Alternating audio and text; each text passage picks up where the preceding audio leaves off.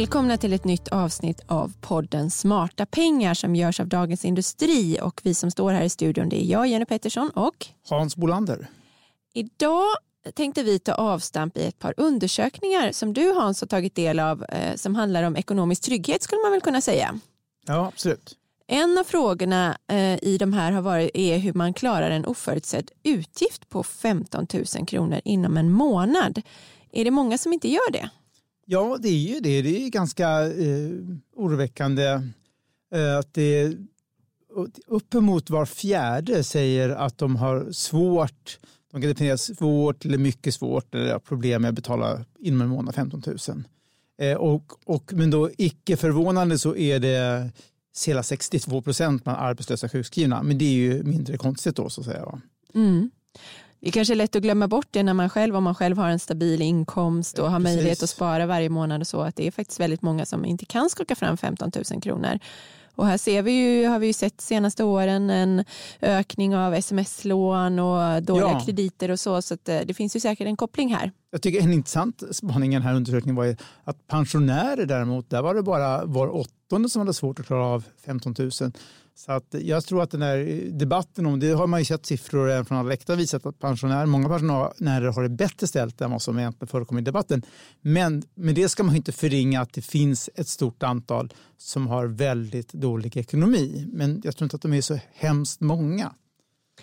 Det där grundtipset som, vi, som eh, ekonomer och vi också och andra brukar framföra om att spara 10% av sin inkomst är ju en bra eh, gyllene regel för att bygga upp en buffert. Men sen är det ju en liten grupp som faktiskt inte har möjlighet att göra det. Och vissa kan ha en sparkvot på 30% också. Ja. Så det är ju väldigt olika.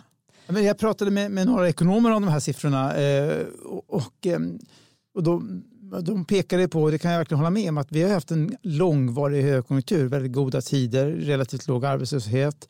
Och, och då är det också lite läskigt att inte fler har, att, att inte liksom mer eller mindre de allra flesta lyckas bygga upp en rejäl buffert. Om det beror på att de är så pressade i den egna hushållsekonomin eller att man kanske konsumerar lite väl mycket. Man lever loppan? Ja, alltså jag tror att det, vi, har, vi lever i ett konsumtionssamhälle. Och vi har, om, snabba krediter och det, det har ökat. Du skriver om det här också, det, det, andelen eh, så att säga, blankolån och sånt har väl ök, ökar ju relativt sett. Eh, ja, det har vi ju sett under flera år att det gör. Men nu eh, minskar det ju faktiskt de nya eh, eh, skulderna hos Kronofogden eh, har ja, man ju sett. Så är, ja. Även om den totala skuldsumman växer så, ökar, så är det färre antal personer som har skulder hos Kronofogden. Så det är ju en positiv eh, utveckling får man ju säga. Då. Ja. En annan av de frågorna eh, som togs upp i de här undersökningarna var ju då eh, hur man skulle klara att stå på egna ben ekonomiskt vid en separation, eller hur? Ja, Eh, det, och det är, det är jätteintressant för att det var ju faktiskt så att det är eh, om du ställer, de har ställt frågan eh, hur, eh, hur trygg känner man sig med sin ekonomi om man skulle separera från sin partner? Och då är det bara ja, det är hälften ungefär känner sig trygg eller ganska trygg. Medan det är ändå upp mot var fjärde som känner sig otrygg med det. Det var den e-, ena spaningen. Och den andra spaningen är som en annan undersökning visar kan pengar vara orsak, bidragande orsak till att man väljer att stanna i en dålig relation. Och då är det bland alla svarande så är det 30 procent som säger det. Bland kvinnor är det 39 procent. Alltså mer än var tredje kvinna säger att det kan vara en anledning till att stanna i en dålig relation. Ja, och det, det är ju ännu mer skrämmande tycker jag att att det är så. Det är riktigt eh, eh, skrämmande siffror tycker jag också. Eh, I många större städer, framförallt Stockholm men även andra ställen då, är det väl bostadsmarknaden som är ett av de största hindren eh, för en separation. Jag har, jag har flera bekanta som, där separationen, man har bestämt sig för att separera men sen har det dröjt jättelänge innan man faktiskt har kunnat göra det rent ja. praktiskt för att man inte kan lösa bostadssituationen. Det är svårt att hitta en bostad, ofta väldigt dyrt och många klarar inte då som ensamstående att köpa en ny lägenhet, eh, kanske åtminstone inte det område där man bor. Då. Och det har ju också visat sig i uppföljningar av amorteringskraven att det är just ensamstående som är, är en av de grupperna då som har svårast efter de här kraven. Man slår ganska snabbt i det här skuldkvotstaket som är 4,5 gånger bruttoinkomsten Inkomsten, Inkomsten då, som är ett slags ja, lånar du mer än det då måste du också amortera mera. Ja. Vilket höjer dina månadskostnader då ännu mer. Eh, och ja, om då lösningen istället är att man kanske får lämna den stadsdelen där man har barnen går i skolan och så. Eh, så det är klart att det blir ju ett hinder. Ja, ja det, och det, det är allt vanligt den här lösningen. Det har man ju också talat om att man behåller en lägenhet eller villa och bor kvar fast föräldrarna bor varsin vecka eller varsina två veckor och så har man ett annan lägenhet för att och det, det, är på gott och ont. Det kanske är bra också för att då kan ju barnen gå kvar i skola och förskola men det är inte optimalt. Så att säga, det är svårt för de vuxna att gå vidare med sina ja, liv. Ja, exakt. Det känns som en kortsiktig lösning. Då är det ändå mycket i det svenska samhället som bygger på individen. Då. Vi har inte sambeskattning längre eh, som det fanns förr i tiden. Båda föräldrarna kan vara hemma lika mycket med sina barn även om man sedan då har möjlighet att göra den fördelningen på andra sätt. När man jobbar så sätts det av pengar till den egna pensionen. Just det. Men ändå finns det ju då strukturer och praktiska omständigheter som gör att framförallt då kvinnor fortfarande hamnar i en tuff ekonomisk situation vid en separation. Mycket i det här är ju kopplat till deltidsarbete. Man ja. jobbar eller har jobbat deltid i större utsträckning och det ger då en lägre inkomst eller en pension som är, som är lägre där det då är svårt att få lån. Eh, och jag tycker att det är, det är väldigt viktigt att förbereda sig för sånt här, för den här utvecklingen då som kan komma även om Exakt. det ja, för inte... den, den, stora frågan är vad kan man göra då för att inte hamna i den här situationen, att man känner att man inte vill lämna en dålig relation? Ja, och då tänker jag att något av det mest kärleksfulla man kan göra det är faktiskt inte att köpa blommor på alla hjärtans dag eller bjuda på någon härlig semester, även om det är ju jättefina grejer då, utan det kan vara helt andra saker som att spara, sätta, sätta upp ett separat sparande eller föra ja över sina premiepensionsrätter eller sådana där saker. Hur gör man då detta? Ja, nej men det finns absolut. Och jag, om, man kan, om man ska bara börja ännu lite längre bak så är det första i yrkesvalet och då har det ju visat sig att kvinnor väljer mycket högre utsträckning yrken där löneläget är lägre. Och vad det beror på eh, det kan vi bara gissa, men det är ju sannolikt, eller inte gissa, men det är ju sannolikt det är det ju könsstrukturer som gör så här. Eh, ett exempel var det här med veterinärer. När det blir fler kvinnor som veterinärer så har löneläget sjunkit där. Lärare blir likadant. Eh, och det finns, eh, det finns mängd, så det är det ena, yrkesvalet och att göra alla arbetsgivare uppmärksamma på det här. Men sen som sagt är det som, som du säger, vad, vad gör vi åt det här? Och då är det ju alltså, Föräldrapenningen är en sak, det har ju hänt jättemycket. 1974 när den infördes, då var det 99,5 procent av dagarna som togs ut av kvinnor. Idag, jag kommer inte ihåg exakt, men det, det är ändå det är väldigt mycket mer jämställt. Det är kanske 60 procent av dagarna tas ut av kvinnor eller liknande. Så det har ju nivellerats väldigt mycket. Mm. Så där kan man ju göra mycket att man att i familjen tycker jag faktiskt se till att båda kan jobba lika mycket. Det är egentligen en nyckelfråga. Ja, jobbar man deltid så kanske inte en ska jobba 80 och en 100 utan bo, båda 90 istället. Det finns ju olika lösningar på det där. Men om man eh, av någon anledning då känner att det inte funkar för ens familj. Jag tror ju att det funkar i väldigt många fler fall än vad man, eh, än vad man tror. Men då finns det ju lite andra lösningar. Är man gift och separerar då blir ju allting eh, slås ihop då i, i separationen eh, till giftorättsgods och ska delas lika. Och har man då inte skrivit ett äktenskapsförord på rätt sätt och registrerat det på rätt sätt så kan det ju vara att man har haft sparande som eh, skulle vara riktat eller särskilt avsett för den ena parten då, men som sen i skilsmässan om det blir infekterat och man inte har de här juridiska eh, dokumenten då så har man inte rätt till de där pengarna. Så det är viktigt att göra det här på rätt sätt. Ja, så juridiken är jätteviktig. Jag skulle säga att, att alla bör om man inte har kunskapen själv eller inom familjen bör sätta sig med, med, med jurist och betala det här, vara beredd att betala arvot på ett par tusenlappar för att gå igenom Mm, precis. Eh, för ett äktenskapsförord ska ju registreras hos Skatteverket. Det kan inte vara ett dokument som bara förvaras i, i byrålådan hemma Nej, som, som, som båda skriver under. Man, man, kan ju tycka att man är superöverens. Alltså. Men, eh, men sen, sen, tänk sen om det bara är den ena som vill skiljas och inte den andra. Och det kan ju ställa massa saker på sin spets ja. eh, beroende på vad som händer och det känns säkert inte så när man är superkär och sådär. Eh, men eh, är då, har då den ena en väldigt högre, mycket högre inkomst eller jobbar mera medan den andra tar mer ansvar för barn och familj, då kan man ju upprätta ett separat sparande som skrivs då som enskild egendom i ett e- äktenskapsförord som ska registreras hos Skatteverket. -huh. Och då är det noga att vara viktig med detaljerna, summor och um, hur, vi, hur det här sparandet är upplagt. För annars kan det finnas frågetecken som gör att man ändå inte kan genomföra, mm, alltså att det ändå inte går att ta beslut på rätt sätt Nej. så som det var tänkt i själva skilsmässan. Så det är viktigt att tänka på tycker jag. Samma sak gäller om någon löneväxlar. Just det. Då, och du kanske måste repetera, vad är löneväxling? Löneväxling är ju någonting, en, en möjlighet som eh, passar bra för höginkomsttagare om man tjänar över 45 000 kronor i månaden efter löneväxlingen. Att då sätta av extra pengar till pensionen. Eh, som troligtvis då så får man lägre skatt när man pensionerar sig. Ja. Så, då, så, så är det lite andra förmåner med det där. Det är lite lägre avkastningssätt på själva kapitalet också. Ja, det blir lite lite andra, mm, eh, det blir en lite högre avsättning eh, än om man hade sparat det själv och så. Men, eh, men har man löneväxlat så är ju det avsatt till pensionen. Då kommer inte det ingå i en bodelning vid en Nej, skilsmässa. Så då kanske det är rimligt att tänka, och då är det ju pengar som försvinner från familjen AB här och nu så att mm. säga. Och då är det väl kanske rimligt att tänka att man avsätter motsvarande summa då, eller åtminstone något form av sparande för den som inte har möjlighet ja. att löneväxla och gör det till enskild e- egendom. Ja. Och kanske då man använder en kapitalförsäkring eller ett ISK på, den individen. Precis. Eh, sen så finns det ju också det här med premiepensionen. Ja, eller hur? just det. Det är också ett sätt att eh, fördela inkomsterna bättre i familjen. Hur funkar det Hans? Jo, nej, det fungerar så att då, eh, då kan man avsäga sin premiepension får inga, från och med kommande år så får man inga premiepensionsintäkter in på kontot. Eh, och sen så går det istället till din partner som du har, har valt eh, då ska få de här pengarna istället. Och så flyter det på tills du säger att det ska vara annorlunda.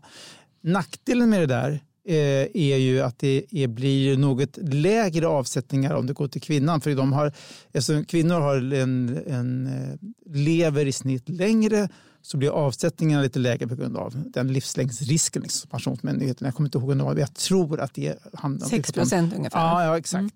Mm. Eh, så det, det är faktiskt nackdelen. Och sen, eh, så återigen, jag tycker inte att det är en lysande idé, men den är bra så tillvida att det frestar inte på den egna familjens likviditet. Det är inga nya, om pengarna, om du använder resten av pengarna vill ha dem till en buffert i familjen och till utgifter så är det här i alla fall inga pengar som ska upp på bordet nu. Utan, eh, så det, det, är en relativt sett enkel lösning också. Det är mm. bara att kontakta Pensionsmyndigheten och göra det här. Mm. Ja, jag läste på Pensionsmyndighetens hemsida att om givaren tjänar 45 000 kronor i månaden och eh, man för över då pensions, sin premiepensionsrätt i tio år, då ökar det mottagarens pension med 1000 kronor i månaden livet ut. Ja. Så det är ju inte, det är ju inte en struntsumma så sett. Nej, nej, nej, ehm, Men man måste göra det senast sista april, det året man ja. vill att eh, överföringen ska gälla. Så eh, det är ju bra att komma ihåg. Eh, och sen kan man inte göra det retroaktivt heller, utan det är framåt. Då, så, att, det, så det finns en hel del. Tycker du det är något mer man ska tänka på för att fördela rättvist? Ja, jag återkommer till mitt där, liksom att, att dela tiden är egentligen det viktigaste, både tid och, och om det är fallet att man har barn, eh, det kan ju vara andra skäl också, man jobbar deltid. Nej, men det, du kan göra, det man kan göra och som man bör göra, det är det här klassiska, lite tråkiga, hemska rådet, sätt er ner och ta död på varandra på ett rutat papper. Alltså, man titta, vad händer om någon går bort i förtid eller blir långvarigt sjuk eller man skiljer sig? Vad händer då? Och det, kan man faktiskt, det är inte jättesvårt idag att se på. Framförallt kan man se på, det finns sajter som till exempel Ersättningskollen. Vad, är, vad, får man, vad sjunker lönen till om du blir långtidssjukskriven? Och eh, vad, vad, är det för, vad finns det för skydd i, i kollektivavtalet? Om den ena parten dör, vad finns det då? Har man livförsäkring så räcker, stora, har man stora lån, då bör man sannolikt, det är jätteviktigt att se till att man, då, och de flesta lär ju i en sån situation inte vilja flytta omedelbart, utan då är, och kan man då bo kvar så att säga och hur, hur länge? Så det, mm. det, finns ju, så att om man gör det, en seriös prövning på detta så, så är man ju mycket mer väl förberedd för att sen fatta beslut. Mm. Ja, för som du säger, det behöver ju inte handla om en separation utan det kan Nej. lika väl vara ett dödsfall som ju kan komma plötsligt och då är det ju bra om man Ja. har tänkt igenom allt det här så att eh, man inte kör ut eh, sin partner på gatan för att man inte kan ha kvar bostaden eller, eller så. Eh, och sen är det ju så mycket annat kring eh, det är bra att ha alla papper i ordning tänker jag med testamente om man nu känner att man har en situation där man behöver skriva det. det. När man pratar med jurister så tycker de ju att alla ska ha ett testamente. Det kanske och det ligger väl lite någonting i det, i alla fall att man har tänkt igenom det här ordentligt och pratat eh, om det. Eh, och sen finns det ju andra skydd man har kanske genom eh, eh, genom kollektivavtal och sitt eh, fackförbund och vad det kan vara. Det kan vara bra att ha koll på allt sånt där, vad som skulle hända om det värsta händer. Ja. Helt enkelt. Eh, nu pratar vi om separationer, alltså skilsmässor. Det är ungefär 25 000 skilsmässor i Sverige om året. Mm. Eh, men sen så finns det ju alla som är sambos. Och, och, och det ju, eh, vet, har man ju ingen aning om hur många sådana relationer som spricker. Men eh, där är det ju också där, där är det ju liksom helt andra regler som Och gäller. här blir juridiken ännu mycket viktigare eftersom det inte finns det här med eh, reglerna I- som finns inom ett äktenskap. Nej, om att man delar upp tillgångarna mellan sig och så. Det är ju bara bostad och tillgångar typ som möbler och sånt som man har köpt, eh, som man har införskaffat för gemensamt bruk. Det är ju det som ska delas. Men allt annat, det, tillför, det ska ju den som, ehm, som äger det behålla då. Eh, och, och till exempel då har man ett gemensamt sparande men så står det bara på en person. Ja, i det i worst ja. case scenario är ju att den personen säger nej det här är mina pengar. Ja. Nu får man ju hoppas att det inte händer. Eh, Det är säkert ytterst ovanligt men rent juridiskt så måste båda stå på kontot för att pengarna ska delas lika vid en, eh, vid en när, om förhållandet spricker. Då.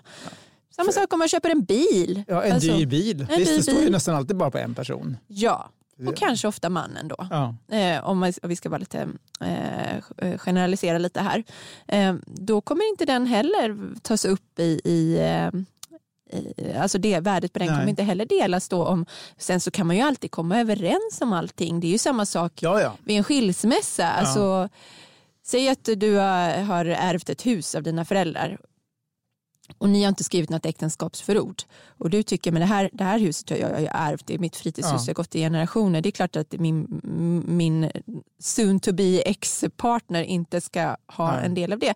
Men har man inget äktenskapsord så, så ska ju värdet av huset delas lika.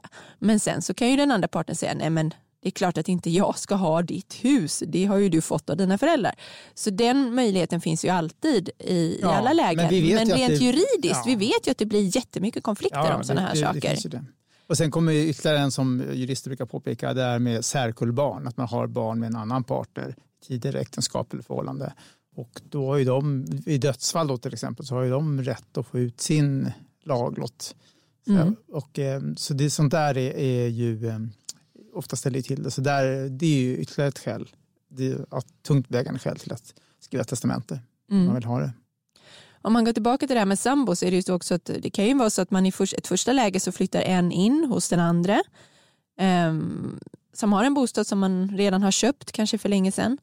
Eh, och separerar man då så behåller ju den som har köpt den bostaden den. Men om man säljer den för att man vill känna att nu, nu vill vi flytta till något nytt och större ehm, och den ena parten då sätter in väldigt mycket mer pengar men har man köpt den för gemensamt bruk då spelar det ingen roll vem som Nej. har satt in mest utan då ska den delas lika om man inte har sk- skrivit eh, eh, ja, särskilt, gjort ett särskilt avtal om hur fördelningen ska vara då. Så det är också viktigt att tänka på i ett samboförhållande. Ja, och det här är jättevanligt på dagens heta bostadsmarknad i storstäderna där det kostar, där vi pratar om flera miljoner för lägenhet. Så det är ju supervanligt verkligen att någon part har lite mer pengar att skjuta in av dem. Ja, det beror på kanske vad man har gjort för bostadskarriär Ja. tidigare i livet och så. så, att, eh, men så våran uppmaning med, utifrån de här svaren i de här undersökningarna är ju att tänka igenom de här sakerna Ja. väldigt noga. Kontakta gärna en jurist. Det finns väldigt mycket att läsa på nätet också där, man, kan få, där man kan få vägledning men till syvende och sist så gäller det också att de här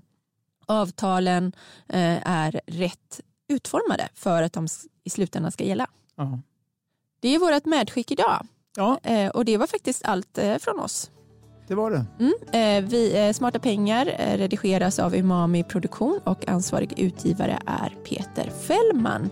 Och vi rekommenderar er att lyssna på eh, DIs andra poddar som ni hittar på vår sajt eller på Acast. Kan du nämna några Hans? Ja, det, alltså, det finns ju så många bra. Det finns ju Analyspodden varje vecka, Makrorådet med, med tunga makroekonomer eh, som kommenterar ränteläge och liknande. Vi har ju eh, den dagliga morgonkollen. Vi har det digital för den som gillar startup och teknikbolag. Det händer ju otroligt mycket. Så att, eh, ja, vi, vi har en hel rad på och vi har eh, Förnuft och känsla som är lite djupdykningar med en känd eh, företagsledare, näringslivsperson. Så att det finns mycket. Så kolla upp det där och så hörs vi igen. Hej hej! Hej då!